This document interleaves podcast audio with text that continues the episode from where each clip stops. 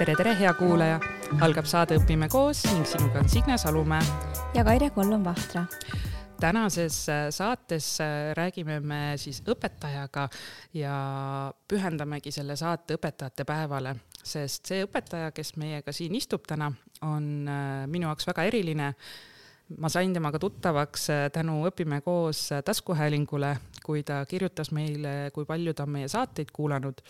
Ja me saime kokku ja ma koheselt tundsin, et see on üks särtsakas, äge inimene, kellele ma kõigepealt esitasin väljakutse, et äh, tule tee ise saade. meil oli Õpime koos taskuhäälingut tegema väljakutse aga küll me siis kuuleme, miks Kaire selleni ei jõudnud, aga selle asemel on ta hoopis nüüd siin ise külalisena et äh, tere tulemast, Kaire!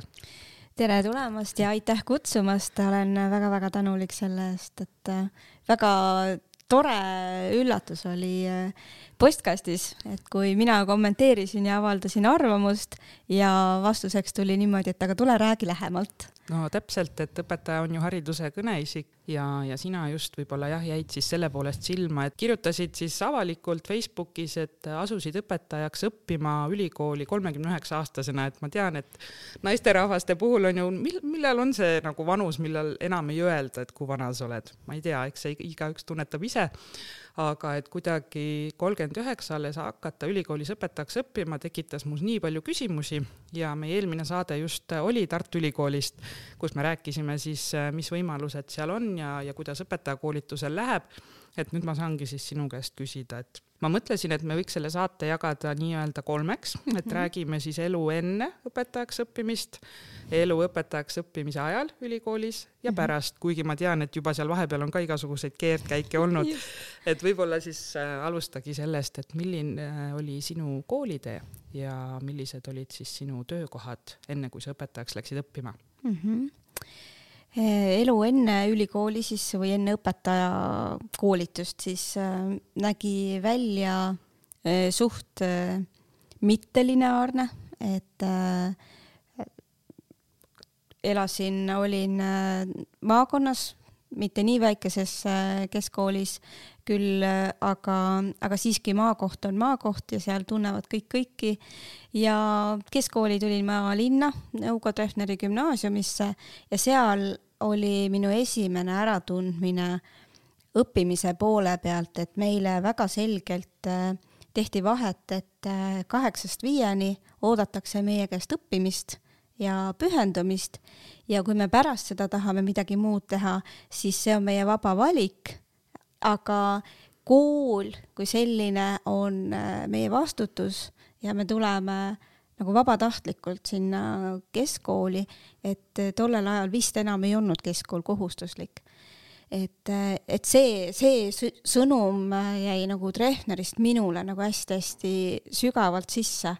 nii et tegelikult on nagu esimesed mm, nagu väärtused või põhimõtted, mis tähendavad õpetamine ja õppimine, tuli mulle juba sellest ajast, üheksakümnendate keskelt siis mm. -hmm aga Treffneris olles, kuhu poole sa siis mõtetega liikuma hakkasid, et, et mida edasi õppima minna või kes sinust saada võiks mm? -hmm. et siis sa veel õpetajaameti peale ei mõelnud? ei, siis ma tahtsin hirmsasti arstiks saada, ma õppisin keemiabioloogia süvaõppega klassis äh, kümnendas klassis saadik õppisin ladina keelt väga metsikus suures koguses, et see oli mul täitsa vabalt äh, käes ja, ja kõik teised keeled ka, et ma pigem noh, lugesin ennast selliseks humanitaaria pooleks, et me õppisime eesti, vene, inglise, saksa ja siis ladina keelt, et, et kõik võimalused olid antud. Aga ei saanud minust arsti. Ei saanud minust arsti ja, ja praegusel hetkel ma reaalselt ei kujutaks ennast arstina ette, et see on nagu pole minu teema vist, et, et jäin äh, juba siis äh, peale nagu keskkooli aega äh, tulid väga kiiresti sellised tööd ja tegemised, kus oli vaja õpetada teisi, ehk siis ma olin suht lahtise peaga ja hästi kiiresti õppisin oma tööd, tegemised, normid, tehnikad, kõik hästi jäid mulle meelde. ja siis, kui uuemad tulijad tulid, et et mul oli nagu hästi lihtne neile kohe see teadmine edasi anda, aga ma see, tollel hetkel ka ei lugenud ennast veel õpetajaks. et see tuli nagu aegapidi. ja esimene suurem töö, vahepeal ma kolisin Tartust ära Tallinnasse esimene suurem töö väikse lapse kõrvalt oli sekretäritöö, mida sa keskharidusega ikka oskad teha ja nagu pidasin, mina pidasin ennast äh, oma keskharidusega ikkagi nagu väheväärtuslikuks, et minu äh, klassikaaslased ja kursaõed ja vennad, nemad läksid otse ülikooli ja mina ei läinud. ja ometi oli äh, jällegi see sekretäritöö selline töö, mida ma nagu kasvasin sealt välja sekretärist juhiabiks, sealt edasi personalijuhiks, sealt edasi juba eh, vaatasin, et kuidas saaks oma äri ajada või niimoodi, et ma olen nagu igas töökohas, kus ma olen käinud, ma olen alati edasi kasvanud ja iseennast kasvatanud, hästi palju lugenud, hästi palju aitas kaasa mul äh, Naiskodukaitse ja seal ka kohe läksin jaoskonda juhtima. hästi palju aitas kaasa Tallinna Majanduskool, sealt kohe võtsin endale kõik asjad sinna noh, personali juhtimisse, raamatupidamisse, info kaasa. selles mõttes nagu päris huvitav on enda, enda elule praegu tagasi vaadata, et mida kõike ma olen teinud et ma saan aru, et sa siis peale keskharidust äh, kohe ülikooli ei läinud mm, -mm. tegid selliseid sutsakaid. jah, tööampse on ju ja, ja siis jäid lapsega koduseks. lapsega ei ole ma tegelikult kunagi kodune olnud, ei, ei vanema lapsega ega ka nüüd noorema lapsega, et rahutus minu sees ja see tahtmine teha eh, on olnud nii suur kogu aeg, et lapse kõrvalt tegin ma ikkagi, et minu eriala ja täielik pühendumus on käsitööle käsitöölisena ma nagu defineerin ennast isegi rohkem kui õpetajana ja, ja need on mul kogu aeg olnud ka lapse kõrvalt. ma kogu aeg õmblesin, tegin tellimusi, tegin kingitusi, et lapsega sellisel kujul kodune ei olegi ma olnud nagu, et istud poolteist aastat kodus ja mitte midagi ei tee. et kui ma olin Naiskodukaitses, juhtisin jaoskonda, siis mu laps oli vast äkki ei olnud aastanegi veel nii et selles mõttes ma ei oska päris ühte asja teha mm. -hmm. aktiivne oled sa kogu aeg olnud. ja, ja mm. -hmm. ja nüüd saime teada, et sul on siis kaks last. kaks last on, poeg on suur juba, tema on kahekümne nelja aastane, elab Tallinnas ja tütar on kolmteist ja tema elab veel meiega kodus koos siin Tartumaal mm. -hmm. ja, ja tuli ka mängu siis käsitöö, mis on sinu hobi, aga ma olen aru saanud, et sa oledki sellest siis ka oma töö kujundanud mm. -hmm. et äh, päeval oli siis nagu eraldi päevatöö või noh, selline töö, mis siis äh, maksis äh, maksud ja, ja arved ja siis oli hobi käsitöö, mis siis toitis hinge, et see on nagu kogu aeg olnud kaks tööd korraga. ja käsitööd ma läksin reaalselt õppima äh, kutsekooli, Räpina aianduskooli siis, kui ma olin eh, kolmkümmend kaks ja mul oli tütar juba sündinud. et eh, ja alles siis, alles siis ma mõtlesin, et minu hobi võib olla ka minu töö. nagu sellisel kujul, et et see oli nagu väga huvitav arusaamine jällegi ennast kõrvalt vaadata, mille peale ma enne ei tundnud, et, et ma nagu tunnistan endale, et minu hobi võib olla ka selline töö, mis mulle toob rohkem raha sisse kui minu palgatöö. ja, ja peale Räpina lõpetamist ma töötasin erialasel äh, tööl hästi palju ja mind kutsuti ka koolitama, oma nagu teadmisi, oskusi edasi andma ja mitu-mitu aastat ma käisingi, tegin ka oma firma, õmblesin lapitekke ja siis alles mingil hetkel ma mõtlesin, et kolmkümmend üheksa sain, mõtlesin, et aga kui ma juba käin koolitamas või noh, käin, et mul oleks vaja ka seda teoreetilist teadmist, kuidas seda teha. nagu päriselt, kuidas õpetaja teeb, mis on see didaktiline pool, mis on see pedagoogiline pool, sest ma olin kõik ise õppinud või nagu oma põlve otsas kuidagi äh, loomulikult äh, välja mõelnud need asjad või nagu oma suurest entusiasmist ja suurest kirest käsitöö vastu äh, käinud koolitamas ja õpetamas ja teinud. ja alles siis ma läksin, kolmkümmend üheksa olin läksin ülikooli ja ma mäletan meie programmijuht äh, Karmen Trasberg, temale ma ütlesin ka, et mul on vaja nippe ja trikke, kuidas hakkama saada. et see oli see, see lause seal sisseastumisintervjuul, seda ma mäletan kuidas jõuab see ikkagi sellisena juba nagu äh, täisväärtuslikule inimesele siis äh, kohale selline mõte, et äh, voh, nüüd läheks õpiks õpetajaks? see tuli nagu kasvas minuga koos noh, ajaga ja kogemustega ja mingil hetkel ma tegelikult mõtlesin, et nüüd on nagu aeg või ma ise tundsin, et nüüd on mul mida jagada. et minu silmis on õpetaja töö äh, jagamise töö. ma jagan enda emotsioone, enda kogemusi, enda empaatiat, teoreetilisi teadmisi, kõike seda, et õpetaja võrdub minu jaoks jagaja. et ja alles siis ma mõtlesin, et mul on, mida anda nendele õpilastele, et kas nad on siis eh, noh, täiskasvanud kutsekooli õpilased või hoopis eh, alaealised põhikooli või gümnaasiumiõpilased. et äh, minu kõige esimene töökoht üleüldse oli lasteaias, ma alustasin söögitädina. Et äh, keskkooli viimases klassis äh, ma töötasin täiskohaga söögitädina ka. Ja siis ma tegin ka läbi selle pedagoogilise kursuse, nii et selles mõttes, et see on kuidagi loogiline jätk, aga see tunnistamine iseendale, et minust võib saada nagu päris õpetaja klassi ees tunnistusega, et selleni läks ikka mitukümmend aastat aega kas noh, praegu on ju aktuaalne teema siin õpetaja palk ja, ja mm -hmm. õpetaja maine ja järelkasv, et miks noored küll justkui tahavad tulla, aga ei jää püsima ja kas sellised mõtted olid ka toona siis kuus aastat tagasi, kui, kui sa läksid sinu peas? minule tollel ajahetkel ei olnud palk üldse nagu teema, ma lihtsalt tahtsin jagada, ma nii hirmsasti tahtsin jagada ja anda teadmisi edasi ja ülikooli läksin ma nagu neid teadmisi saama, neid teoreetilisi teadmisi saama. ja praegune palgateema on hästi oluline ja, ja ne-, ja seal palga kõrval on tegelikult palju muid faktoreid ka, mis õpetaja äh, tööd või siis täpsemalt siis seda mainet mõjutab. ja mina ütleks niimoodi, et see palgateema ülesvõtmine on äärmiselt oluline, sest see tegelikult on väärtuskonflikt.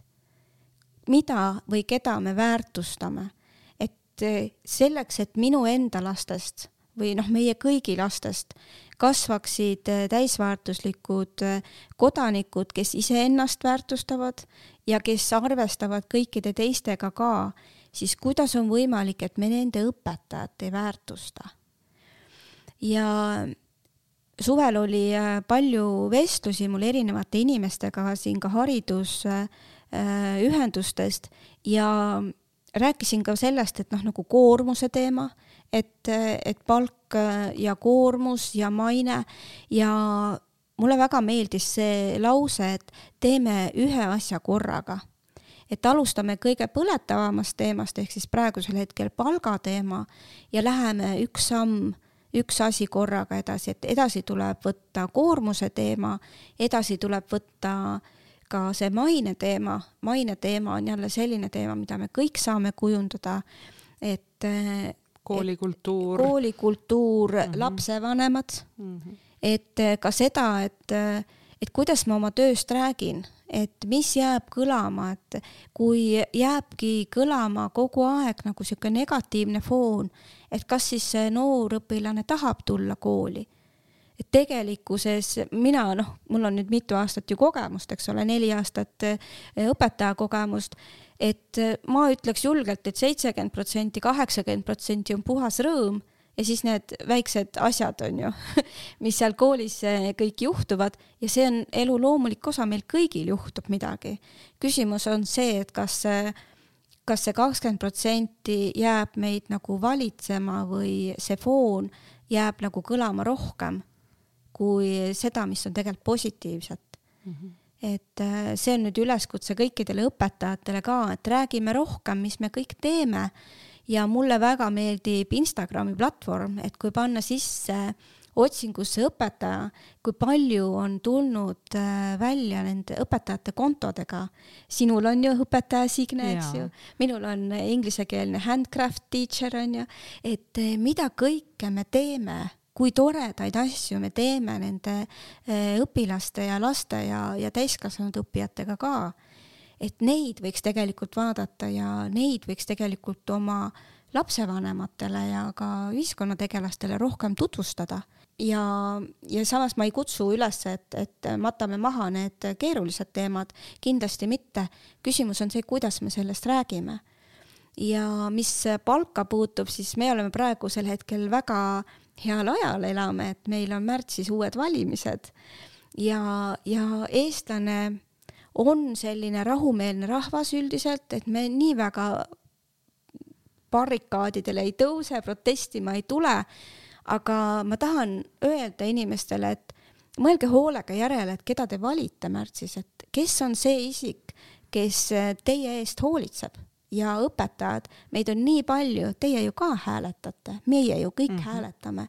et äkki siis läbi hääletamise saab selgeks, et, et mis on meie väärtus ja eelmises äh, saates siis Tartu Ülikooli õppeprorektor Aune Valk ütleski ägedalt, et äh, viie aastaga on toimunud suur-suur hüpe, et kui muidu oli õpetajakoolitusse astunute arv ikka väga madal ja seal viimaste hulgas, et siis nüüd on äh, tervisevaldkonna järel ikkagi teisel kohal, et suur suur soov on saada õpetajaks, aga jah, et ikkagi siis midagi juhtub just seal, kes on kooli jõudnud.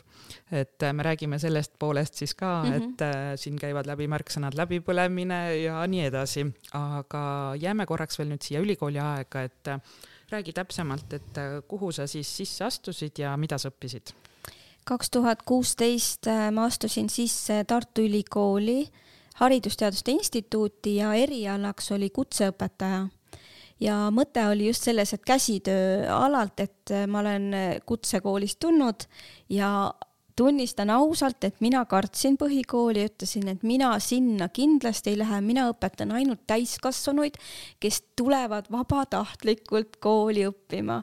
ja, ja see oli nagu hirm, noh, seesama maine küsimus võib-olla, et mina ei lähe neid õpetama, kes kohustuslikus korras peavad õppima ja nii üllatus, kui see ei ole teisel kursusel, läksin mina hoopis põhikooli õpetama käsitööd ja kodundust ja, ja kaks tuhat kaheksateist siis äh, Kammeri kooli alust-, ei kaks tuhat seitseteist, kaks tuhat seitseteist sügisel Kammeri koolis alustasin siis tööd mm -hmm.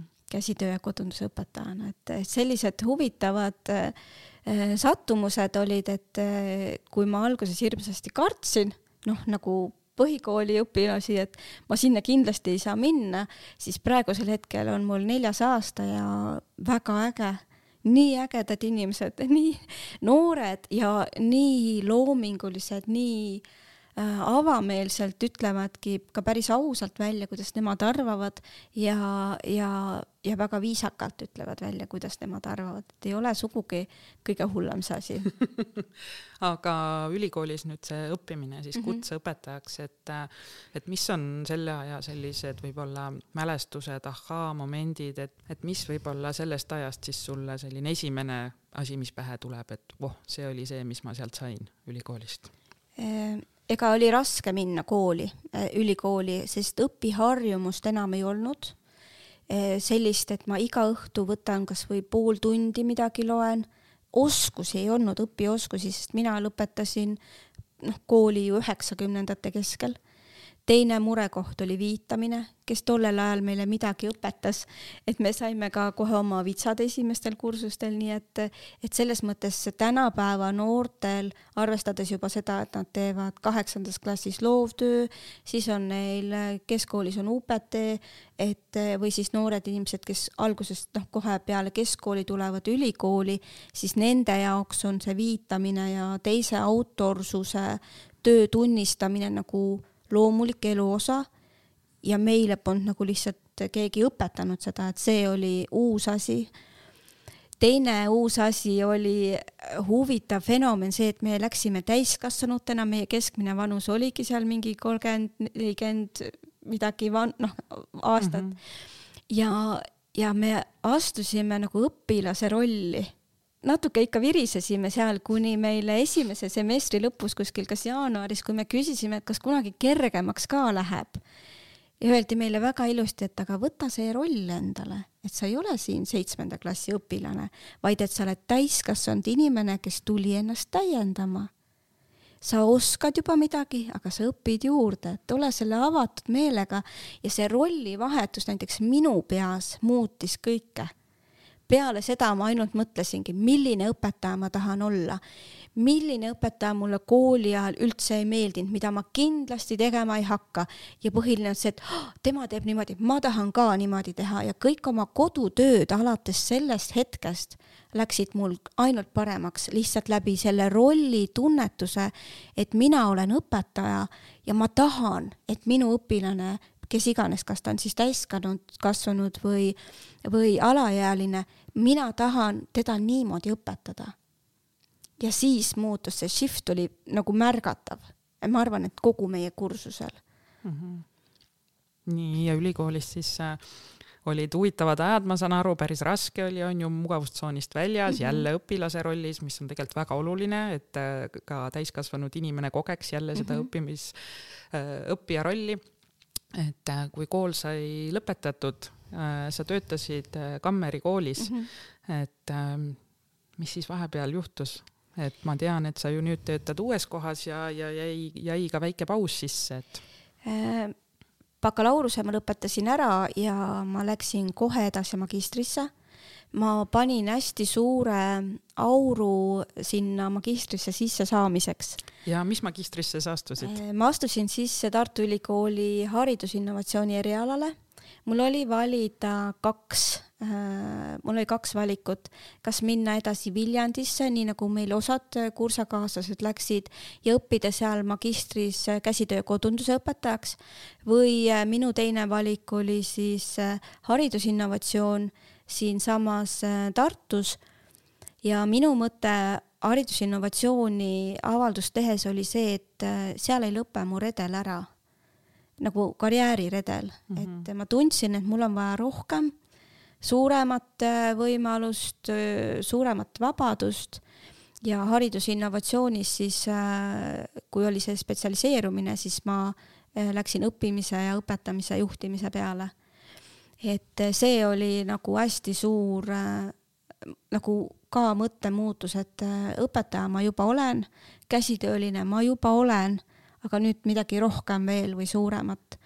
ja magistris töötasin edasi Äh, samamoodi kõik see aeg äh, täiskohaga õpetajana ja magistri ajal proovisin kätt ka õppejõu rollis, sain äh, oma juhendaja kõrval olla õppejõud ühes aines ja anda siis tudengitele tagasisidet, saada kõik need asjad kätte, mida õppejõud tunneb, kui tulevad sellised noored tudengid, kes samamoodi ei tea midagi, mis teha, kuidas teha, nii nagu ma ise olin, et see oli ka hästi äh, tore kõrvalt vaadata, et noh, ma ise olin magistritudeng ja ma õpetasin bakatudengeid, et kuidas siis see, shift või mindset on, et äge aeg oli ja selles mõttes äh, vahepeal oli küll äh, läks keeruliseks elu, mulle tundus, et äh, ma õppisin liiga palju,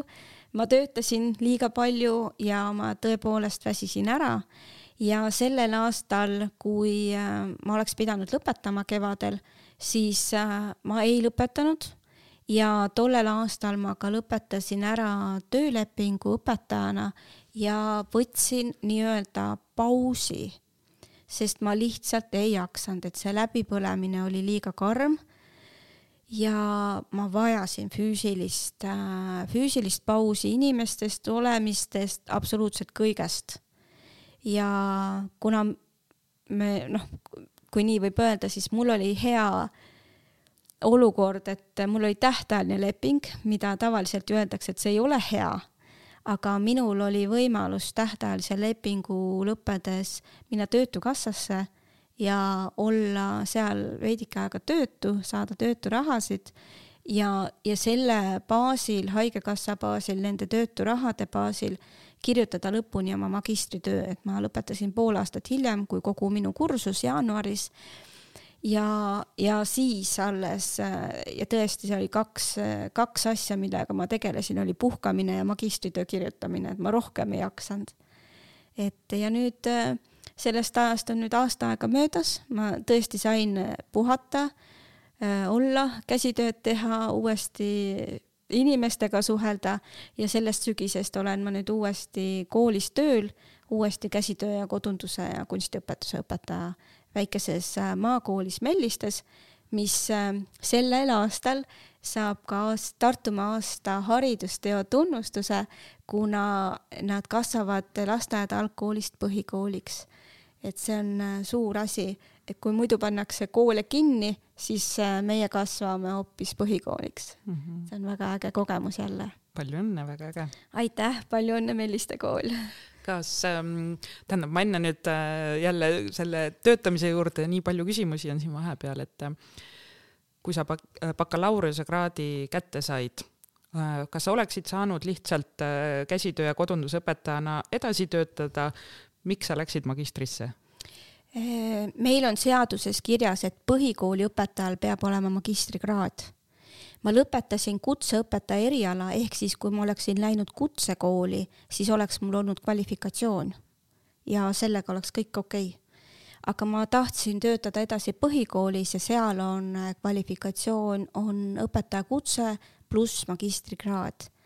et äh, ma tegelikult vist ei läinudki selle õpetaja töö pärast sinna magistrisse, kuivõrd et ma sain juba selle õppimise maitse suhu ja, ja ma tahtsin edasi õppida, et, et mulle tundus nagu patt nagu nüüd pooleli jätta, sest kõik need õpiharjumused äh,, igapäevased noh, läbivaatamised, mõni artikkel või mõni kodutöö või kõik oli nii selge, nii käpas, et kui oleks võib-olla pausi teinud, siis võib-olla pärast polekski enam läinud ja ja noh, see magistrisse sissesaamine see konkurss on tegelikult väga suur päris paljudel erialadel, et äh, see, et ma üldse julgesin proovida või ei jätnud proovimata, on äh, juba omaette hea asi. et äh, kes oleks võinud arvata, kas ma saan sisse või ei saa, aga ma vähemalt proovisin ja andsin endale võimaluse mm. -hmm. just selline ikkagi julgustükk, et võib-olla jah, noor ja naiivne on ju, tema igale mhm. poole julgeb minna, aga kui sa oled juba elu kogenud ja, ja töötanud ja, ja palju asju näinud, et siis võib-olla kahtled rohkem endas. samas ma mõtlengi, et sul jäi selline pikk paus ju ikkagi sisse, et äh, peale keskharidust äh, said äh, töötada, et siis mm, -hmm. siis nüüd ma kujutan ette, et jah, ongi kõik need õpingud, kõik need edasiliikumised on hästi teadlikud, sa liigud mingis suunas, sa tead, mhm. miks sa midagi õpid, miks sul mhm. midagi vaja on. et siia vahepeale ma ütlen, et mina olen jälle täiesti see vastand on ju, kes siis kaksteist aastat õppis ühes koolis, põline tartlane, läksin otse ülikooli õpetajaks õppima, ülikoolist juba kohe tööle, õpetajana töötanud ja nüüd lastega kodune, et mhm. selline et hästi lineaarne tee on ju. -hmm. et nii huvitav on kuulata, et täiesti risti vastupidi ja, ja kui mingi hetk ma tundsingi, et appi, mul on nüüd elu läbi, on ju, et kõik on mhm. tehtud, et siis äge on näha, et tegelikult on ju ma olen kolmkümmend kuus, et noh, et kolme aasta pärast võiksin vabalt minna midagi ikkagi ka õppima ja, ja mm, -hmm. ja juurde tegema, et see on hästi inspireeriv ja, ja innustav, et et nüüd äh, ma tahakski küsida võib-olla siis selle kohta, et äh, magistriõpe, haridusinnovatsioon, et äh, sinu enda kooliajast on juba tükk aega möödas, et mm, -hmm. et mis sinu jaoks on haridusinnovatsioon? kas see ongi, kõik on nagu teine, mis oli sinu kooli ajal, kas see on lihtsalt see või on see veel midagi nagu muud, on need äpid, on need, mis see on? Äh, haridusinnovatsioon ongi kõik see, mis üle jääb või peal on.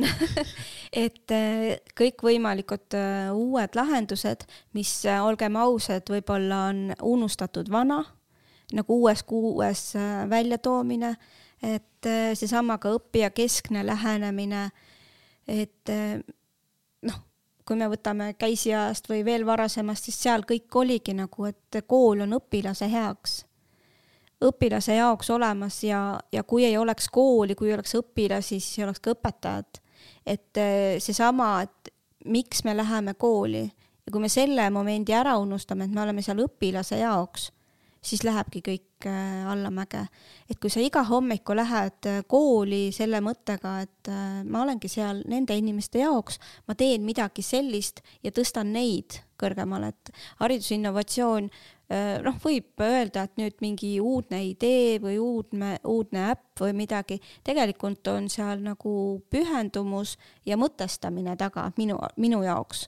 et innovatsioon on hea ja äge sõna, aga see mõte on ju iidne, et teha midagi paremini, teha midagi teistmoodi, teha midagi uudsemat või veel paremini, et noh, võtame vana asja ja teeme paremini et äh, võib-olla niimoodi mõelda. Ja sa korra siin ütlesid äpid ja, ja värgid, siis ma tean, et äh, teie, Karin, ikka olete väga siin digipädevad ja, ja sellised digiinimesed, uuendusmeelsed inimesed, et äh, minu jaoks see pool või see digipool, digipedagoogika pool, digipädevuste pool on ka hästi südamelähedane. et miks me midagi teeme, et kas see telefon on meil tööriist või ta on meil äh, nagu segaja. et äh, väga paljusid asju, jah, meil see telefon on kogu aeg taskus, aga kas me reaalselt oskame sellega teha tööd või kas ta on meie jaoks nagu kasulik tööriist või, äh, või ta on meil segaja et segaja selles mõttes, et ma scroll in seal netis ringi või ma upun sinna ära või kaon ära, et ajataju kaob ära aga kui ma teen sellega midagi kasulikku iseenda jaoks ka või, või kooli jaoks saan midagi ära teha, siis on ta tööriist ja mina mõtlengi, või töövahend, et äh, telefon ja digi on äh, minu jaoks samasugune töövahend nagu õpik, tahvel, äh, kriit, pliiats, paber, töövihik. et kui me selle ka suudame nagu võrdsustada, siis ja sellelt nagu nii suure tähelepanu või selle tähtsuse ära võtta siis, äh, siis võib-olla meil on ka vähem muresid selle nutitelefonis istumisega. et kasutame seda kasulikult, eesmärgipäraselt ja siis on nagu elu ilusam ka kohe kas äh, haridusinnovatsiooni magistri nüüd siis kraadiga õpetaja, mida sa teed teistmoodi äh, oma koolitunnis, kui sa tegid, kui sul ei olnud seda kraadi, või kui sa lihtsalt koolitasid mm, -hmm. et äh, mis on need teadmised ja oskused, mis sa nüüd oma klassiruumi oled siis kaasa toonud? sellest sügisest äh, mul kursaõde ka just küsis, et mis sa tegid teistmoodi, sa oled aasta aega kodus olnud, kuidas sa läksid nüüd mm? -hmm. ja tegelikkuses äh, läksin küll teistmoodi, ma ise olin teistmoodi äh,, hoopis teise mõttemalliga ja ma alustasin hoopis üldpädevuste tutvustamisest, just nagu teine kooliaasta, seitsmes-kaheksas klass. et äh, mis see on, mis sinult oodatakse, kui sa lähed, saad inimeseks nii-öelda et eh, sinult oodatakse inimeseks kasvamist, et oskused on need, mida meie õpetajatena tahame sulle ju õpetada, et eh, kui noh, lihtne näide oskuste poole pealt, et kui sa oskad Milanos metrooga sõita, siis sa oskad Stockholmis ka metrooga sõita. see on oskus, mida ei saa sinult mitte keegi ära võtta. ja üldpädevuste puhul samamoodi, need on oskused. ehk siis ka näiteks üks, äh, üks pädevus on väärtus ja kodanikupädevus. mis on sinu väärtused? kes sa oled kodanikuna, missugune inimene sa tahad olla kodanikuna või siis äh, õpipädevus, kuidas sa õpid? kas sa oled õhtuinimene, kas sa oled hommikuinimene, kas sa õpid kirjutades, kas sa õpid kuulates? noh, et ma küsisin õpilaste käest, kas sa tead, kuidas sa õpid? kas sa tead, kui palju sa tahad magada? Ja me käisime kõik need kaheksa üldpädevust läbi ükshaaval. mul olid plakatid välja prinditud ja, ja lihtsalt rääkisime läbi, kes sa oled, mis sa oled, enesemääratluspädevus. kes sa oled, kes sa tahad olla? et ma läksin hoopis teistmoodi, teise inimesena klassi ette, et äh, ma ikkagi õpetan käsitööd nii nagu klassikaliselt on, et noh, kudumine, tikkimine ja heegeldamine ja, ja õmblemine ega see ei kao ära, aga ma õpetan teises võtmes seda. et kui sa oskad nööpi ette õmmelda praegu, siis sa oskad ka seda tulevikus, see on nagu jalgrattaga sõitmine.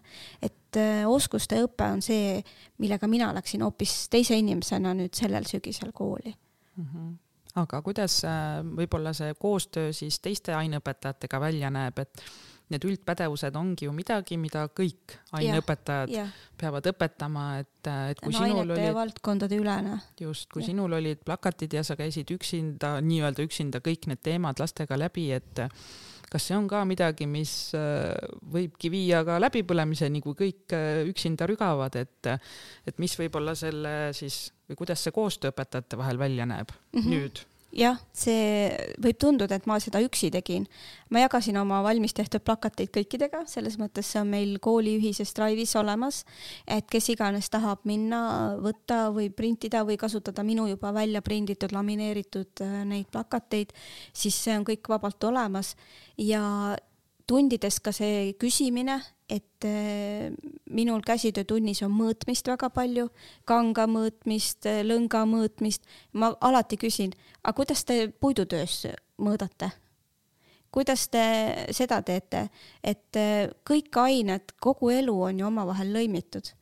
füüsikatunnis raskus ja temperatuur ehk siis pesu triikimine, kuidas sa saad pesu sirgeks, see on puhas füüsika matemaatikatunnis, kui äh, õpetaja õpib protsenti, mina saan koduse, kodunduse tunnis tehagi selle kümneprotsendilise seebilahuse valmis. et see on puhas elu, et ei ole, ei ole niimoodi, et sinu matemaatika on natuke teistmoodi kui minu matemaatika ja mm., ja lihtsalt rääkimise teel ka, et äh, ei ole päris nii, et õpetaja üksi teeb, lihtsalt sa räägid, lepid kokku, mina tegin oma nüüd äh, kunstitunnis kunsti tegime prügist kunsti, meil oli ju maailmakoristuspäev siin septembris, et kuidas, kuidas siis on loodusõpetus kunstiga seotud, kuidas on kodundus kunstiga seotud ja vaatasime läbi kõik need saiapakendid ja mis värvid seal on kasutatud, kuidas see meile tuleb ja kuidas see meile prügisse jõuab. et kõik rääkisin nagu läbi selles mõttes klassijuhatajatega, kellega koos mina käisin väljas koristamas ja et see võib tunduda, et see on nagu hullult üksiku õpetaja töö. aga koolimajas sa ei ole üksi, sa oled ikkagi koos kolleegidega, et need ühised koostööajad ja ühine drive on selles mõttes hästi head tööriistad, mida kasutada. tahtsingi just küsida, et mis on Melliste koolis võib-olla need äh, head küljed siis, äh, mida tehakse, et õpetajad saaksid koostööd teha mm, -hmm. sest mina oma kooliajast mäletan küll, et ikka väga raske oli leida seda just sellist ühist äh, koostööaega, et me saaksimegi lõimida ja igaüks ei mhm. peaks siis äh, oma klassis seal äh, rügama nii-öelda mm. -hmm. no õpetaja algatus on see ja initsiatiiv on hästi suur, et mul on selline mõte, mis sa arvad, kui me teeksime seda, et see koostöö ikkagi on inimestevaheline ja selleks tuleb suhelda, et suhtlemine on kõige alus. kas see on midagi, mida ainult äh, õpetaja peaks siis ise oma initsiatiivil tegema või sinu arvates võiks ka koolikultuuris, äh, juhtimiskultuuris sellele kaasa aidata? igal juhul, iga asutus on oma juhi ja oma töötajate nägu ja ka oma nagu noh, töötajad, me koolikultuuris on siis juhtkond, õpetajaskond ja ka lapsed ja ka lapsevanemad. see on äh, ühine äh, Äh, protsess, seal ei olegi võimalik minu arust muud moodi, et äh, kui äh, ühel inimesel tuleb hea idee ja ta selle välja käib ja teised inimesed on avatud ja tulevad kaasa, siis nii ongi. ja kooli kultuuri või juhtkonna käes on väga palju hoobasid, millega aidata õpil-, õpetajat ja, ja õpetaja enda käes on hästi palju võimalusi, millega paluda, et kooli juhtkond kas teeb või oleb või selles mõttes äh, ettepanekuid teha. ja, ja kui ka sellist ühist koostööaega ei ole, et meil kõigil on ju mingid äh, tunnid samal ajal või, või äh, koolitused samal ajal, siis selle jaoks ongi need ühistööriistad väga head, et isegi kui ma kohal ei ole, ma saan neid protokolle lugeda või siis teha meie ühisesse chati nagu ettepaneku või või mõte välja lasta või ka noh, näiteks täna oli äh, meie panime õpilastega näituse ülesse õpetajate päeva teemalise kunstitunnis, tegime plakateid teemadel siis hea õpilane, hea õpetaja, meie ootused õpetajale või siis mõned äh, ideed õpetajate päeva läbiviimiseks.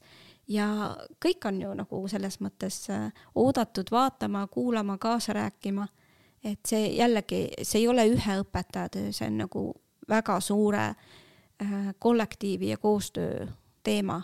-hmm. kas see on võib-olla midagi, mis ongi ka tulnud lihtsalt äh, ajaga ja küpsemisega, et ma kujutan ette, jälle tuues iseennast sisse, et ma noorena läksin, siis ikka oli väga palju seda, et mina üksi ja mina mhm. pean ja mina vastutan ja ja ei olnud neid oskusigi, et niimoodi koostööd teha, et äh, kas võib-olla see on midagi, mis on lihtsalt äh, olles nüüd äh, elu kogenud ja, ja õppinud nii palju erinevaid asju, tulnud sinu ellu, see oskus koostööd teha või teadmine, et see on oluline, on see läbipõlemisest midagi?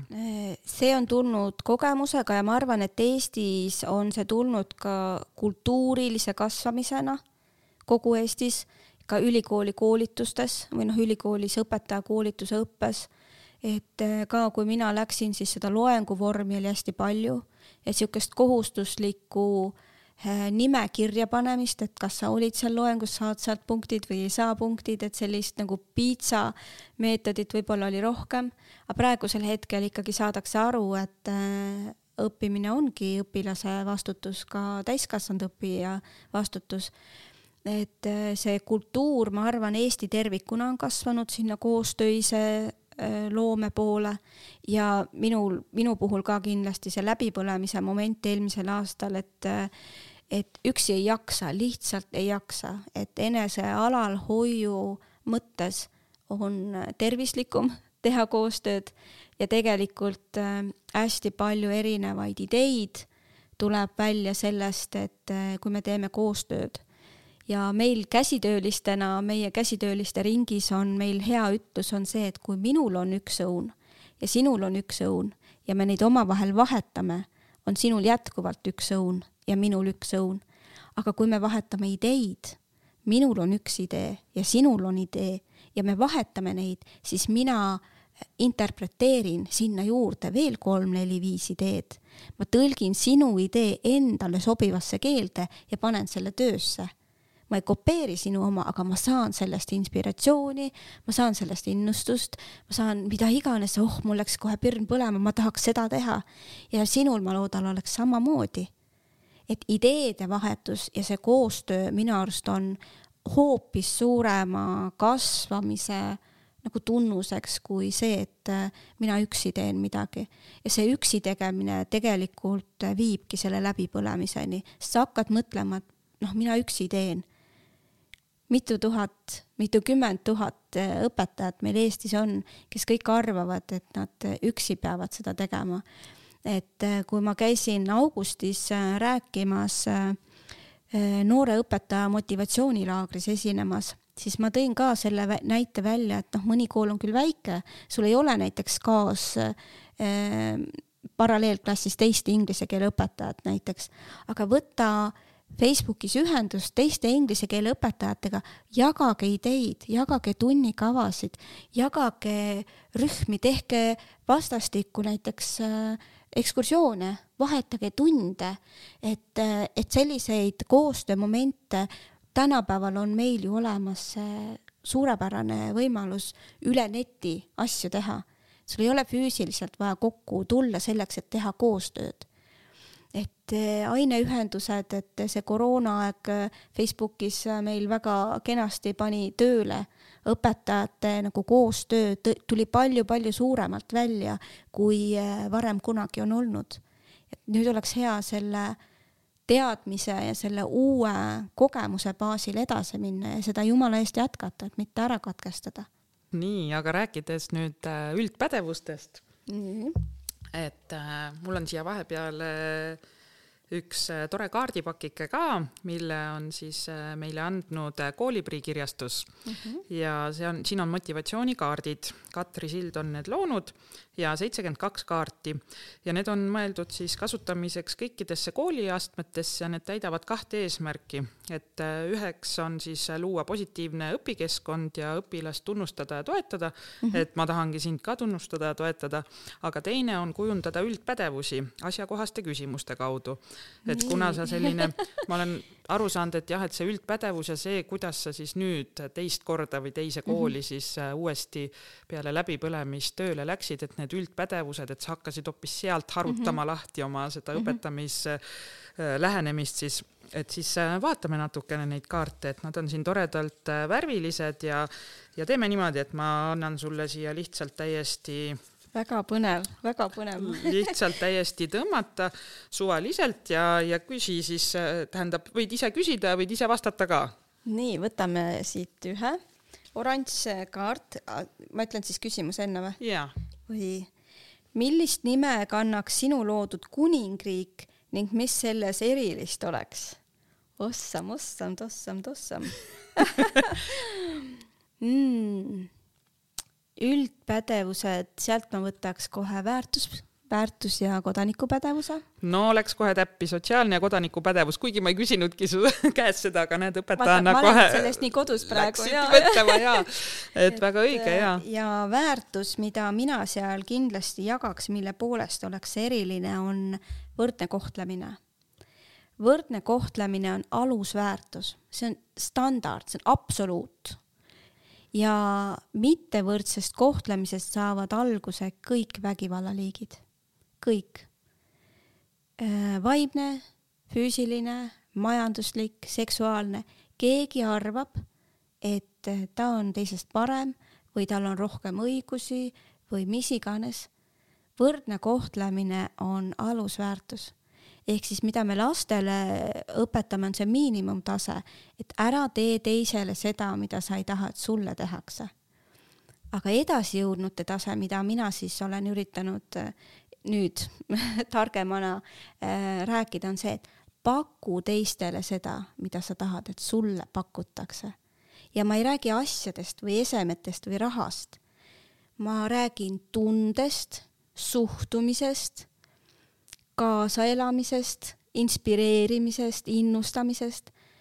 kõrgem tase või edasijõudnud tase on see, et paku teistele seda, mida sa tahad, et sulle pakutakse mm. -hmm. et äh, minu kuningriik oleks mis seda nime nagu, kannab äh,? vot nimega oleks nagu keeruline, sest kuningas tähendab ju, et nagu oleks seal ikkagi keegi kõrgem või, või, või tähtsam ikkagi võrdsete võimaluste kuningriik või, või ähm, sobib, sa põhjendasid nii ilusti. pigem kuningakoda, et see meil on mm -hmm., noh, meie ise oleme seal liikmed mm. -hmm. väga äge. nii, äh, ja siit, kes püüab kõigest väest, saab üle igast mäest, selline mm -hmm. minu meelest käib sinu kohta väga hästi et.... see on see, mida mina oma õpilastele tunnis äh, ütlen, et ma hindan pingutust mm. -hmm et äh, me oleme väga suured hindeorjad, et see kultuur ei ole meile Eestisse veel jõudnud, et see õppimine ja koostöö on meile juba jõudnud, et teeme koostööd, läheme koos edasi, aga me oleme ikkagi väga suured hindeorjad. et, äh, et aga mis hinde ma saan, ma ütlesin, et aga mis hinde sa iseendale paneksid pingutamise eest, kas sa pingutasid? piisavalt, mõnikord on nii, et ma ei jaksagi, ma, ma olengi sellises äh, noh, ellujäämisinstinkti tasemel on ju, ma ei jaksagi rohkem. ja teinekord on see, et, et ma tegin kõik endast olevale maksimumi ja ma hindangi vastavalt sellele enda väärtusi. ma tegin endast maksimumi ja ma olen rahul. et noh, rahulolev hinne on meil kolm, aga ma olen rahul endaga, ehk siis see on see maksimumväärtus, mida me peaksime taga ajama, mitte hinnet nii, aga väga huvitav äh, oli see esimene kaart, nii et ma annan sulle veel ühe võimaluse. oi-oi et äh, saad tõmmata siit äh, kaardi. sa juba vastasid, on ju ära, et mis see üldpädevus on, et teeme siis teisega ka, et mis sa arvad, mille alla see siis läheb? vaatame, võtan siit. vaata, värv. teise värvi hoopis. jaa millised leiutised on inimestele kahjulikud ma ausalt öelda leiutistega on niimoodi, et eh, see on nagu kahe teraga mõõk. liiga palju ravimit on sulle kahjulik, parajas koguses on sulle kasulik. et eh, ma sellele tõenäoliselt ei oskagi vastata. see kasutuse eesmärk on see, mis paneb talle selle hinnangu juurde, kas ta on hea või halb. et ähm, ma sellele võib-olla rohkem ei oskagi vastata. Tahab natuke süvenemist ja, ja mõtlemist, see on ju täiesti okei. Okay.. aga mis sa arvad, mis pädevuse alla võiks selline küsimus minna? leiutis äkki võib-olla digi alla minna, aga mina pakuks äh, pigem hoopis äh, äh, jälle väärtus või hoopis enesemääratluspädevuse alla ja ka samas läheb ta sinna loodus ja matemaatika, mis on see kolmene mm -hmm. pädevuse alla, et leiutamine on, kuskilt tuleb loodusest ja matemaatilised valemid ja kõik nii, et ta tegelikult võib minna. jah, see viimane mõte mitmele. oli sul ja. Äh, selle kaardipaki järgi mm -hmm. vähemalt õige, et matemaatika, loodusteaduste ja tehnoloogiaalane pädevus. just, just ja kiidusõnad siit, oled pärast sellist pingutust ära teeninud väikese pausi. ideaalne, teeme väikese joogipausi. Kuidas sulle sellised kaardid tundusid, et ühel pool siis äh, sellised motiveerivad laused, sa paned mind naeratama mm, -hmm. ma olen kindel, et sa saad selle ülesandega hakkama Äh, vigade tegemine on õppimise osa, et noh mm -hmm., ma mhm. kujutaks ette, et kui kõik pusivad, on ju klassis näiteks mingi ülesande kallal, et siis sa vaikselt liigud ringi ja puistad selle talle sinna laua mhm. peale või, või noh, kuidas iganes neid kasutada. ja samas siis teisel pool sellised väga mõtlema panevad äh, küsimused, mis mhm. siis lähevad üldpädevuste alla, et mis selline esmamulje on? Äh, ma tahan neid kaarte see on minu esmamulje, ma tahan neid kaarte kohe väga äge. aga oled sa muidu selline kaartide ja, ja asjade kasutaja, et? jaa, ma olen, mul on kaarte väga palju ja selliste kaardidega ma sain tuttavaks äh, suuremas koguses või noh, nagu nende mõtestamise sain ma äh, aastal kaks tuhat kaheksateist. Ma tegin oma bakalaureuseõppe ja, ja täiskohaga töötamise kõrvalt tegin noorsootöötaja osakutse, läksin laagrikasvatajaks ja juhatajaks õppima. Ja seal oli meil, eh, minu juhendaja oli Marek Mekk Valga noorte avatud noortekeskusest ja tema, kui ta tuli meid koolitama, tal oli mitu suurt kohvritäit töövahendeid ja näidiseid, mida ta siis meile ette näitas ja kuidas ta meiega rühmatöösid tegi ja erinevaid neid samamoodi, siin olid ju ka sellised sügavad küsimused, eks ju, et mis vajasid rohkem. ja ma läksin ta juurde, küsisin, et kui palju sinu see kohver maksab, et kui mina nüüd alustava õpetajana peaks endale hankima sellise arsenali, noh, see on see tööriistakohver on ju, et äh, ma tõsiselt tegelikult ei julgenud küsida seda summat ja Marek väga ilusti ütles mulle niimoodi, aga ega ma ei ole neid korraga ostnud. ma ostan iga kuu õpetaja palga eest, noh, mis nad maksavad, kakskümmend, kakskümmend viis, kolmkümmend euri, iga kuu ühe asja endale, kas ühe mängu, ühe kaardipaki, ühe mis iganes tööriista. Ja ma katsetan seda terve kuu, igas asendis, igas tunnis, iga ilmaga ja ma saan teada, kuidas see töötab, sest ta samas olukorras võib-olla teise grupiga ei tööta. ja, ja kui ma olen selle nagu selgeks saanud kuu ajaga, alles siis ma võin öelda, et vot, mul on järgmise koolituse jaoks ma lähen selle kaardipakiga. mul ei ole mõtet osta kümmet pakki korraga, sest ma ei tea, kuidas nad töötavad minu heaks.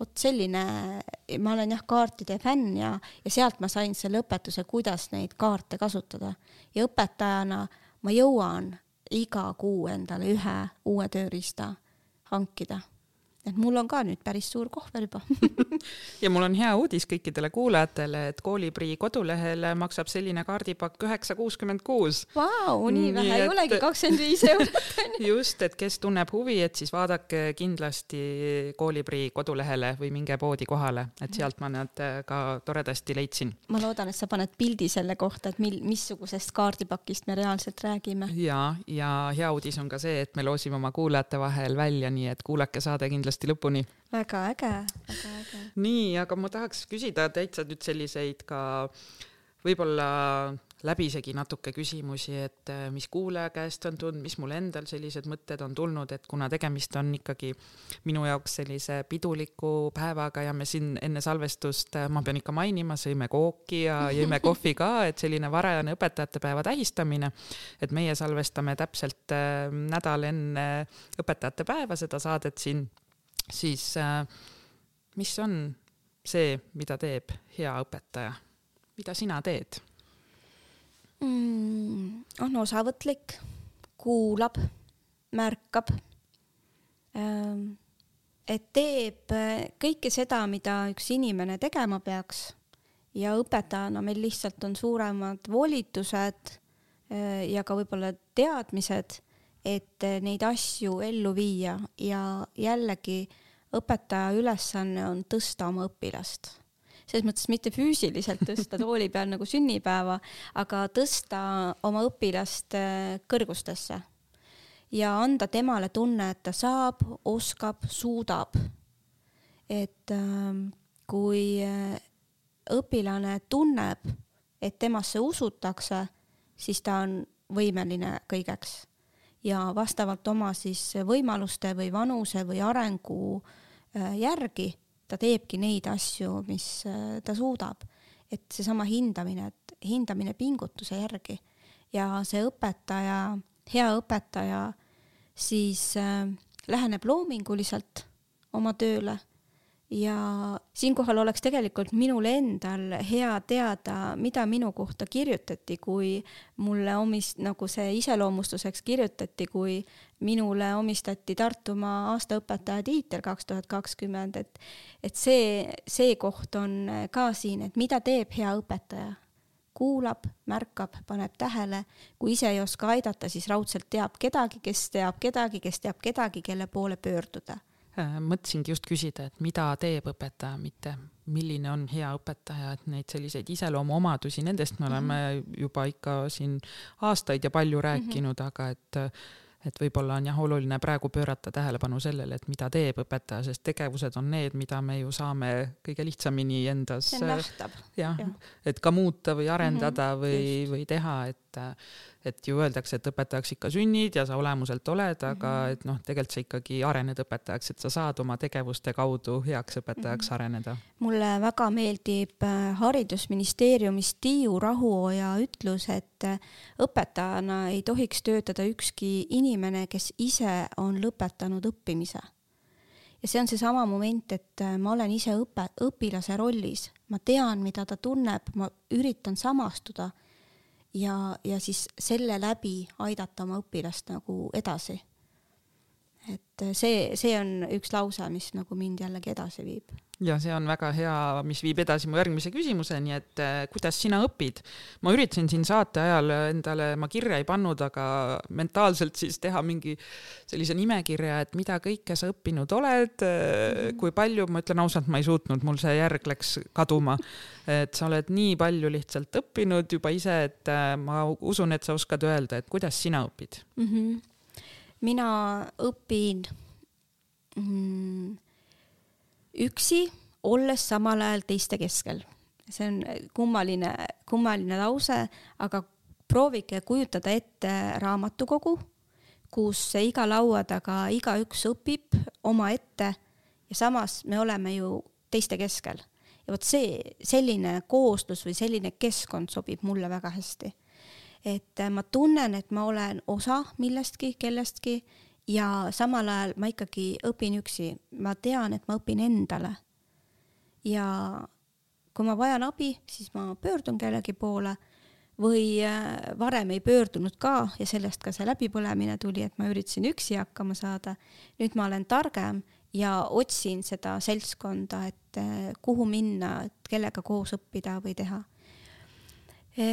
Õppimisstiilis on niimoodi, et eh, ma kutsun ennast õhtuinimeseks ja ma olen noh, kui la lastega kodus, siis sa paratamatult elukorralduse tõttu oled ka hommikuinimene, eks ju, sa pead nad varakult lasteaeda või kooli viima.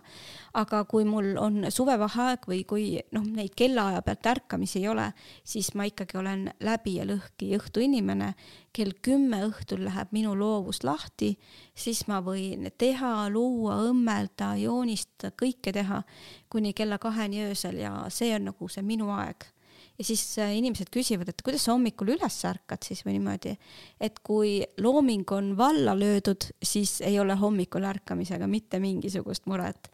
et äh, kuidas mina õpin, ongi see, et üksinda samal ajal koos teistega ja pigem õhtusel ajal kas sul on ka mingid kindlad õpioskused, mis sa tead, et voh, minu peal toimivad hästi? ja, ja seda, vot väga hea, et sa küsisid, mina olen see läbikirjutaja et kui ma olen kord läbi kirjutanud, siis on mul peaaegu peas. et äh, ma ei poolda spikerdamist kui nagu mahategemist, aga ma pooldan spikrite ettevalmistamist, et siis sa oled läbi mõelnud eh, hästi olulise või noh, suure mahuka teksti või teadmise, võtnud lühidalt kokku, teinud endale selgeks, mis on mis ja, ja vot see on nagu see koht, kui mina läbi kirjutan, ma kirjutan igas loengus jõhkras koguses äh, pabereid täis, ma pärast ei pea neid vaatama enam. aga mina õpin kirjutades jah, et mulle lihtsalt lugemisest ei piisa.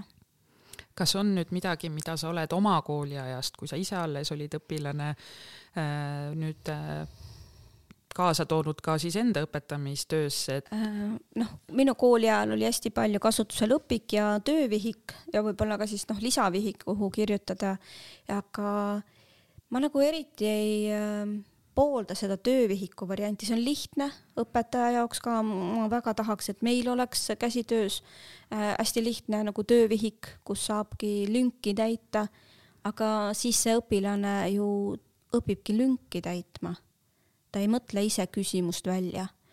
et äh, mulle meeldib seesama ümberpööratud klassiruum, et äh, õpilane teeb kordamisküsimused. õpilane ise koostab selle kuul-, kuldviljaku äh, või siis ristsõna või siis mingi muu asja. ta peab läbi mõtlema, mida ta tahab küsida ja mis vormis see küsimus on, et see vastaks siis konkreetselt teemale nii et äh, ma nagu jah, keeran tagurpidi praegu hästi palju ja, ja alguses oli õpilastel raske minuga, sest noh, ma ei ole traditsiooniliselt õpetaja, aga, aga nüüd äh, juba tundub seoses nende plakatitega, mis me täna hommikul üles panime seoses õpetajate päevaga, et selline loominguline lähenemine äh, oli hoopis põnev väljakutse nende jaoks. Et käsitöös mul on, tuletan nüüd, toon selle käsitöö nüüd uuesti siia sisse, et meil on neli kohustuslikku tehnikat, eh, heegeldamine, kudumine, tikkimine, õmblemine, pluss siis kodunduse teema, aga mida ta konkreetselt õmbleb, see on tema looming. mina õpetan temale tehnika selgeks, õmblusmasina selgeks, aga mida ta loob, see on tema enda asi. ja vot seal on see loovuse ja tema motivatsiooni küsimus. see on koht, kus mina saan teda toetada ja tõsta. aga, aga kui ma sunniks teda töölehte täitma, kus seal see loovus oleks? kas sa Anna Lutteri saadet oled kuulanud äh, meie platvormil? ei ole kuulanud, aga ma tean, Anna Lutter on väga-väga võimas äh, naine, käsitööõpetaja osali, osalise ajaga, siis ta on väga võimas ettevõtja, tal on nii äge kuut. nii et äh, selles mõttes ma tean nagu Annat teistmoodi nagu teist kaudu, kui ma tõesti vabandan ei ole kuulanud ei pea vabandama, tahtsingi öelda siia juurde lihtsalt, et äh, väga äge, et tema tõi ka sellesama asja välja, et hoopis teistsuguseid äh, materjale kasutab mm -hmm. tema ja just yeah. see, mulle nii meeldib see mõte jah, et, äh, et oskus on oluline, see yeah., mis sa sellest oma loovusega teed et äh, see on see, mis nagu teeb eriliseks selle tunni sinu jaoks. nii, aga no Anna Lutterist sa juba siin nii säravate silmadega rääkisid, et äh, kes veel või, või kes või mis sind inspireerib õpetajana mm,? mul on nii palju eeskujusid, me võime teie sada pluss äh, saadet ette võtta muidugi kõik, kõik õpetajad ja kõik külalised sealt ette tuua. mind tõesti väga paljud erinevad inimesed inspireerivad ja ma kasutangi seda äh, rollimeetodid, et ma vaatan, kui üks inimene teeb midagi mega hästi, mis mulle meeldib, siis ma selle võtangi endale ja üritan seda oskust või, või omadust arendada. sest ega tegelikult ma paljusid inimesi ei teagi, ma olen väga suur sõber inimestega Facebookis ma pole pooli inimesi seal näinudki ja ma täiega fännan neid või Instagramis, kui ma vaatan seal õpetaja see, õpetaja too, ma jälgin neid. Ma hästi palju jälgin Instagramis Austraalia õpetajate kontosid, et mis olid minu jaoks koroona ajal äärmiselt inspireerivad, äärmiselt äh, kuidagi õpetlikud, et see oli, nendel on samamoodi need portfooliod õpetaja kutse saamiseks ja noh, nad ise kutsuvad, et litsentsi saamiseks, neil on õpetajate litsentsid, et kuidas nad tunde ette valmistavad, kuidas nad teevad, et Kristi Lõbu on ju teinud hästi palju videosid, et kuidas ta reaalselt tundi ette valmistab, mida ta teeb. et mina ei saa tema inglise keele asju üks-ühele üle võtta, ma saan jällegi selle tehnika võtta üle, et aa, ta teeb niimoodi, ma saan natukene tõlkida enda keelde seda et äh, selles mõttes äh, minu kursaõde Triinu Pääsik on hästi suur inspiraator mulle ka see positiivne kõneviis, seesama ka mõtteviis, et äh, kas ma keskendun negatiivsusele ja sellele, et ma ei saa edasi või ma keskendun positiivsusele ja otsin lahendusi. Ja õpilastega ka, nad juba teavad, ütlevad niimoodi, et et noh, nad ei ütle, et ma olen hädapatakas see, vaid ma ütlen, ma olen lahenduste otsija see ja nii huvitav, kui see ka ei ole, muutub, asjad muutuvad ja lähevadki ja ta leiabki lahenduse nii et inspiratsioon on igal pool meie ümber. inspiratsioon on, vaata ringi ja ole ise avatud ja, ja see, et sa naeratad inimestele, see on ka tulnud, et, et naerata võõrastele inimestele ja nad naeratavad sulle vastu mis sa teed siis, kui nad ei naerata või mis sa teed, kui, kui sul on raske? ähm.... ma lähekski korraks võib-olla siit ka tagasi selleni, mida me väga ei mm, -hmm. sügavalt ei puudutanud, aga see läbipõlemine, et sul oli, ma kujutan ette, et sul oli väga raske, et, et mida sa siis tegid, kuidas sa iseennast aitasid, kas piisas ainult sellest, et sa võtsid ennast töölt lahti või pidid sa midagi veel tegema? kes sind aitas või kuidas sa iseennast aitasid? Mm. No töölt lahtivõtmine oli juba tagajärg noh, selles mõttes, et mm -hmm. sellel hetkel, kui ikkagi maailm kokku kukkus, siis ma nutsin, lihtsalt nutsin, nutsin ja nutsin ja ja tahtsingi kuskile teki alla ära peita ennast, olla üksinda, mitte kedagi näha, mitte kedagi kuulda ja minu see mm, enesehinnang oli nii madal, noh, et ja sealt tuli ka see väga suur üksi tegemise see ja kui ma hakkama ei saanud, siis ka enesepiitsutamine hästi kõrgelt, et, et kuidas sa siis nüüd niimoodi, see self-talk oli nii halb, et, et nagu see täiesti, noh, ma praegu tagantjärele mõtlen, et ma olin nii karm iseenda vastu, et need nõudmised iseenda vastu olid minul väga-väga kõrged. ja peale seda, noh, ütleme see moment, kui toimus siis äh, kokkukukkumine, siis peale seda ma hakkasin reaalselt mõtlema selle peale, mis on see, mida ma saan muuta. see on nii ammu teada tõde, et muuda seda, mida sa saad muuta ja ära ja muuda suhtumist selle suhtes, mida sa ei saa muuta. oli asju, mida ma ei saanud muuta, ma, ma ei saanud muuta seda, et ma ei lõpetanud. oli küll kurb, hirmus kurb oli aga ma ei saanud seda enam muuta, mul järgmine võimalus oli poole aasta pärast, on ju. et äh, ja praegusel hetkel ka ma mõtlen väga palju, äh, just see mõttetööd on niimoodi, et minu suhtumine asjasse, kas see on positiivne või negatiivne ja kas ma saan seda muuta. ja kelle probleem see on? hästi palju on see, et me tõttame abistama kõiki ja kõike ilma, et meie käest küsitakse. ja, ja ka see on see koht, kus äh, me võime läbi põleda, on see, et me jagame ennast liiga paljude asjade vahel, mis ei olegi meie ülesanded üldse. ma ei saa, ma ei vastuta selle eest, kui mõne teise inimese töö on tegemata. aga ma saan muuta suhtumist, kas see häirib mind või see ei häiri mind. mida ma saan teha, on mõelda ainult nagu läbi iseenda prisma. kui minul on hea olla, siis minu ümber inimestel on hea olla.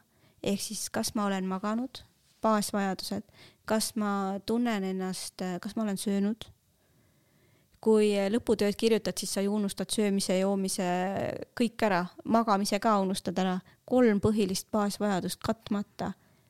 noh, ja kus sa siis, kas sul siis nagu on midagi pakkuda, et need asjad, et sinu enda tass oleks täis, mida jagada, need on minu jaoks nüüd selle aastaga äärmiselt oluliseks saanud ja seesama, et paku teistele seda, mida sa tahad, et sulle pakutakse.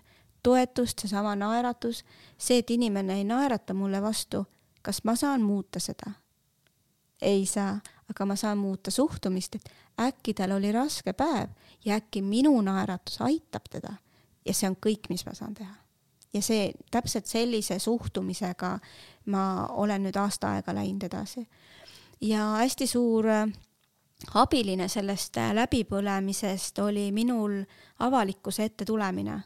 et äh, kes on minu Facebooki lehel käinud, siis eelmise aasta detsembris minu suur eeskuju Kai Oja hakkas tegema tänulikkuse väljakutset, et iga päev sa ütled kas ühe või kaks asja, mille eest sa oled tänulik ja avalikult ja see oli tegelikult suur eneseüllatus minu jaoks iga päev tulla kasvõi seesama üks minut avalikkuse ette ja öelda, mille eest ma olen täna tänulik. ja ma päriselt ka alguses tegin ju plaani, noh, rumal ma tegin plaani, et sellel päeval ütlen seda, teisel päeval ütlen toda, kolmandal päeval, siis mukin ennast, siis teen soengu, siis panen riidesse. aga tegelikkuses. vabandust, ma naeran. jaa, no mina ka naersin nüüd, ma naeran, aga alguses oli, ma esiteks polnud kunagi varem seda teinud. ma kujutan ette. ja, ja teiseks oli niimoodi, et aga kui mul tuli see tänu peale keset päeva, kui ma olen õues, seal oli vist miinus kuusteist, kui ma üks päev käisin, tegin oma kõnniringi ja nina punane peas, kõrvad ära külmunud, ütlen oma tänud. kas ma siis enam jälgisin seda, mihuke ma välja näen? ja siis on see küsimus, kelle asi see on? et me nii palju muretseme teiste inimeste arvamuse pärast ja siin on see koht, kas ma saan seda muuta, mis teised arvavad minust? ma arvan, et ei saa. kas ma saan muuta suhtumist, et mul on savi? jaa, kindlasti. no vot ehk siis, mis ma saan teha, on see, et anda endast maksimum, kui ma tahan, et teised arvaksid minust hästi, siis ma pesen pea ära, hoolitsen enda eest, olen sõbralik. see on, mina olen see, keda ma saan muuta, mida ma saan muuta. teisi ma ei saa muuta, aga mida ma saan pakkuda, on see, mida mina tahan, et mulle pakutakse ja see oli eh, tegelikult päris suur asi, et eh, ma detsembris tulin niimoodi avalikkuse ette ja nüüd ma olen hoopis-hoopis julgem. iga esmaspäev teen oma laivi Facebookis, kommenteerin, võtan osa ähm, vastan nendele küsimustele, kui kellelgi tuleb mõni poll või, või avaldan arvamust või et see on see, mida mina saan teha hästi endast lähtuvalt ja, ja kuidas äh, Mahatma Gandhi ütles, et eh, kui sa tahad maailma muuta, alusta iseendast, on. ja nii ongi. ja õpetaja eelkõige jagab, nagu sa ja, alustasid ja. meie saate alguses, et sa jagadki, sa jagadki oma elu, oma kogemusi. ma ei lähe detailidesse ja ei hakka seal kõike oma elust jagama, eks ole. ja aga kui õppetunde. just õppetunde ja kokkuvõtet, kokkuvõtet, et kui laupäeval üks ähm, kümnes september oli see suitsiidiennetuspäev ja ma jagasin ka oma kogemust ja ma täiega lahinal nutsin seal ekraani ees, aga see oligi täpselt selline kogemus, kus äh, ei olnud võimalik emotsiooni tagasi hoida. ja kui see kedagi aitas, siis minu päev on korda läinud. et sellega, ähm, sellega ma tegelikult olen päeva lõpus rahul kui minu mis iganes tegu, naeratus, olek on kedagi edasi aidanud, mõnda minu õpilast tõstnud, mõnda minu kaaslast, kolleegi kuidagipidi edasi aidanud, arendanud, siis minu päev on korda läinud. Need on need asjad, mida sa tegid äh, ise -hmm. et äh, sa põlesidki läbi ja tagajärg oligi, et sa tulid töölt ära, aga kui nüüd mõelda natukene veel siis sinna enne läbipõlemishetke, et kas jah, sul ei olnud neid teadmisi ja oskusi sel hetkel, et -hmm. iseennast aidata, et see tuli läbi selle mm -hmm. kogemuse. aga nüüd jällegi tagasi vaadates, kas olid mingisugused kohad või asjad, mida töökollektiivis, koolikultuuris inimesed su ümber oleks saanud teha, märgata, sind aidata, et mis on see, mida meie siit äh, õpetajatena, mida koolijuhtidele kaasa anda, et mida teha, et märgata, et inimene on läbi põlemas ja aidata teda sellest olukorrast välja mm. -hmm ja see on hästi oluline, et kui me õpetajatelt nõuame, et äh, märka, noh, just õpilaste seisukohalt, märka, äh, pane tähele, siis äh, kooli kollektiivis kolle-, kolleegile ju samamoodi, märka, pane tähele. Aga täiskasvanud inimeste juures on üks aga, et sa ei saa aidata inimest, kes ei lase ennast aidata tollel hetkel äh, võib-olla mina olin väga suur üksik hunt. ega nad ei teadnudki, et mul on raske, sest ma ei öelnud. mitte keegi meist ei ole mõtete lugeja, kui sa ei ütle, mida sinul vaja on, siis äh, teistel on omad mured. Nad ei näegi seda või enne läbipõlemist inimesed on väga osavad varjajad. see on, see on täiesti hämmastav, kui osavad varjajad nad, see on see Ähm, õpitud naeratus äh, või et äh, mul on kõik hästi. see lause minul on kohe punane pirn, aa, mis toimub, ma lähen ja uurin. aga, aga teine inimene ei oskagi, kes ei ole varem läbi põlenud, võib-olla ta ei oskagi seda lauset märgata. Mis puutub abistamisse veel juhtkonna poolt, on see, et mis äh, meil on ka praegu ühiskonnas hästi suurelt üles tulnud, on see töökoormus, et juhtkond saab mitte anda alustavale õpetajale rohkem ülesandeid. Et kui me läheme kooli tööle alustavate õpetajatena, siis me oleme hästi entusiastlikud. me tahame kõigest osa võtta, me tahame kõike teha nagu,. maailma parandajad. maailma parandajad, kõigest osa võtta ja siin on nüüd see juhtkonna koht, kus ta ütleb, et sul on nüüd piisavalt. las teised ka teevad et mitte lasta sellel inimesel võtta neid asju. Et eh, see on natukene karm, et ma, aga ma ju tahan, ma ise tahan teha neid asju, ma, ma ausõna, ma jõuan. aga tegelikkuses noh, koolijuht ja õppejuht ja vanemad kolleegid on kogenumad ja nad teavad, et noh, reaalsuses sa ei jõua. ja seal on nagu see hea kolleegi võib-olla patsutus õla peale ja öelda, et oota natukene, küll sa jõuad, et üks asi korraga, et see, selle mõte võiks äh, hästi suurelt üles võtta, et üks asi korraga, rahulikult mm. -hmm. kuidas seda sõnumit edastada niimoodi, et, äh, et see jõuaks äh, õpetajale kohale kuidagi positiivselt või et kuna ma ise olen selle sõnumi saanud mm -hmm. ja mulle mõjus see väga negatiivselt mm, -hmm. et siis kuidas võib-olla sellist sõnumit edastada mm? -hmm. võib-olla visuaalselt paned inimesele sellises hetkes, kui inimene on kas läbipõlemise piiril või noh, veel hästi entusiastlik, on ju, ta ei mõtle adekvaatselt või realistlikult. Ja siis pilt räägib rohkem kui tuhat sõna, panna ette kell kakskümmend neli tundi. Ja iga ülesande kohta on siis see kellaaeg, kui palju sul reaalselt seda aega selle ülesande täitmiseks kulub et äh, tund aega see, tund aega too, ah küll ma jõuan, aga sul on ainult kakskümmend neli tundi. miinus kaheksa on sealt kohe uneaeg, need võtame kohe ära, siis on kõik need ähm, kohustuslikud protseduurid, mis sa käid söömas, äh, vetsus, omad äh, pereasjad ja siis jääb sul see tööaeg nii-öelda. ja iga tegevuse peale pannagi see nagu kellatund. ehk siis mida sa annad ära kui sa võtad endale uue kohustuse, sa ei saa võtta uut kohustust enne, sest sul on tund, tunnid on otsas. et missuguse tegevuse sa annad ära. ja võib-olla see on ja hästi positiivselt ja rahulikult rääkida, et, et kui noh, sa ütled, et negatiivne kogemus oli, täpselt samamoodi ongi, et mis mõttes, kas sa ei taha, et ma teen või ei usalda mind ja, ja kui noh, mina nüüd olen juba kogenud õpetaja ja mentorina eh, pakun tuge alustavatele, siis minul on Canva keskkonnas tehtud kell koos eh, tundidega, eh, kakskümmend neli tundi need väiksed pirukakesed või pitsatükikesed, kaheksa tundi roheline on kohe uneaeg, seda me üldse ei arvestagi ja mis tegevuse sa annad mulle ära, paneme sinna, kirjutame peale. Need tegevused sul on ja need tegevused sa ei saa võtta, sul ei ole ruumi.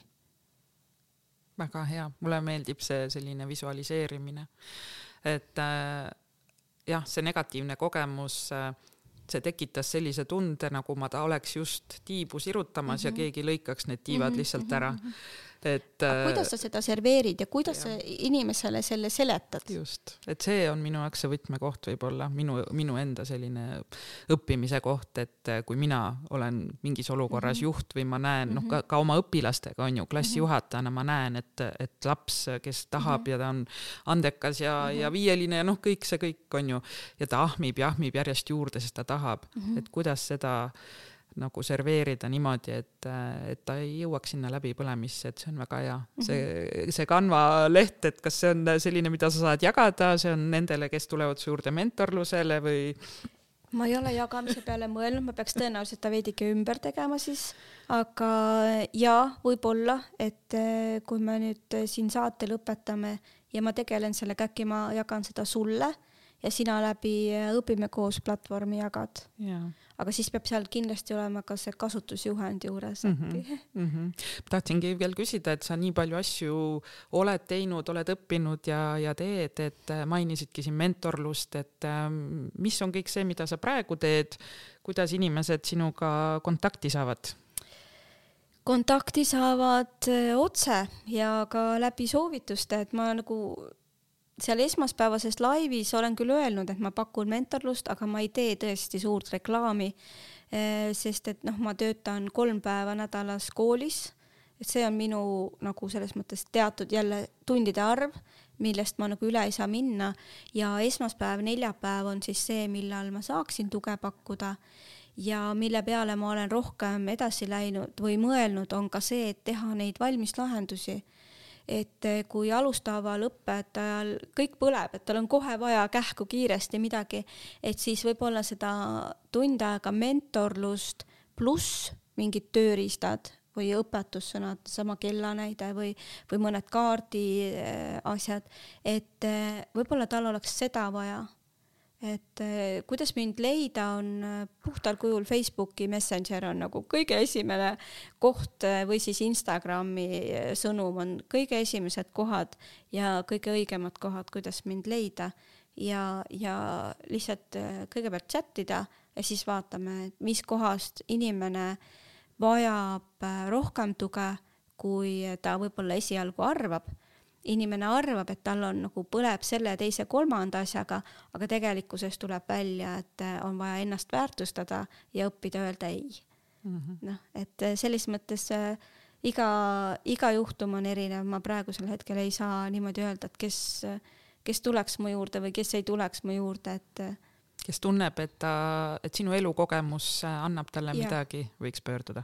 no mina siin rääkida saates juba. niisama ka ja. ja eks siis näha ole, kas tal on äh, abi vaja või ta tahab lihtsalt jagada ja ma olen valmis kuulama ja, ja jagama et äh, alati ei pea ka tulema nagu sellesse tasulisse mentorlusse, piisab sellest kogukonnast, nagu mina ütlesin, see raamatukogu näide.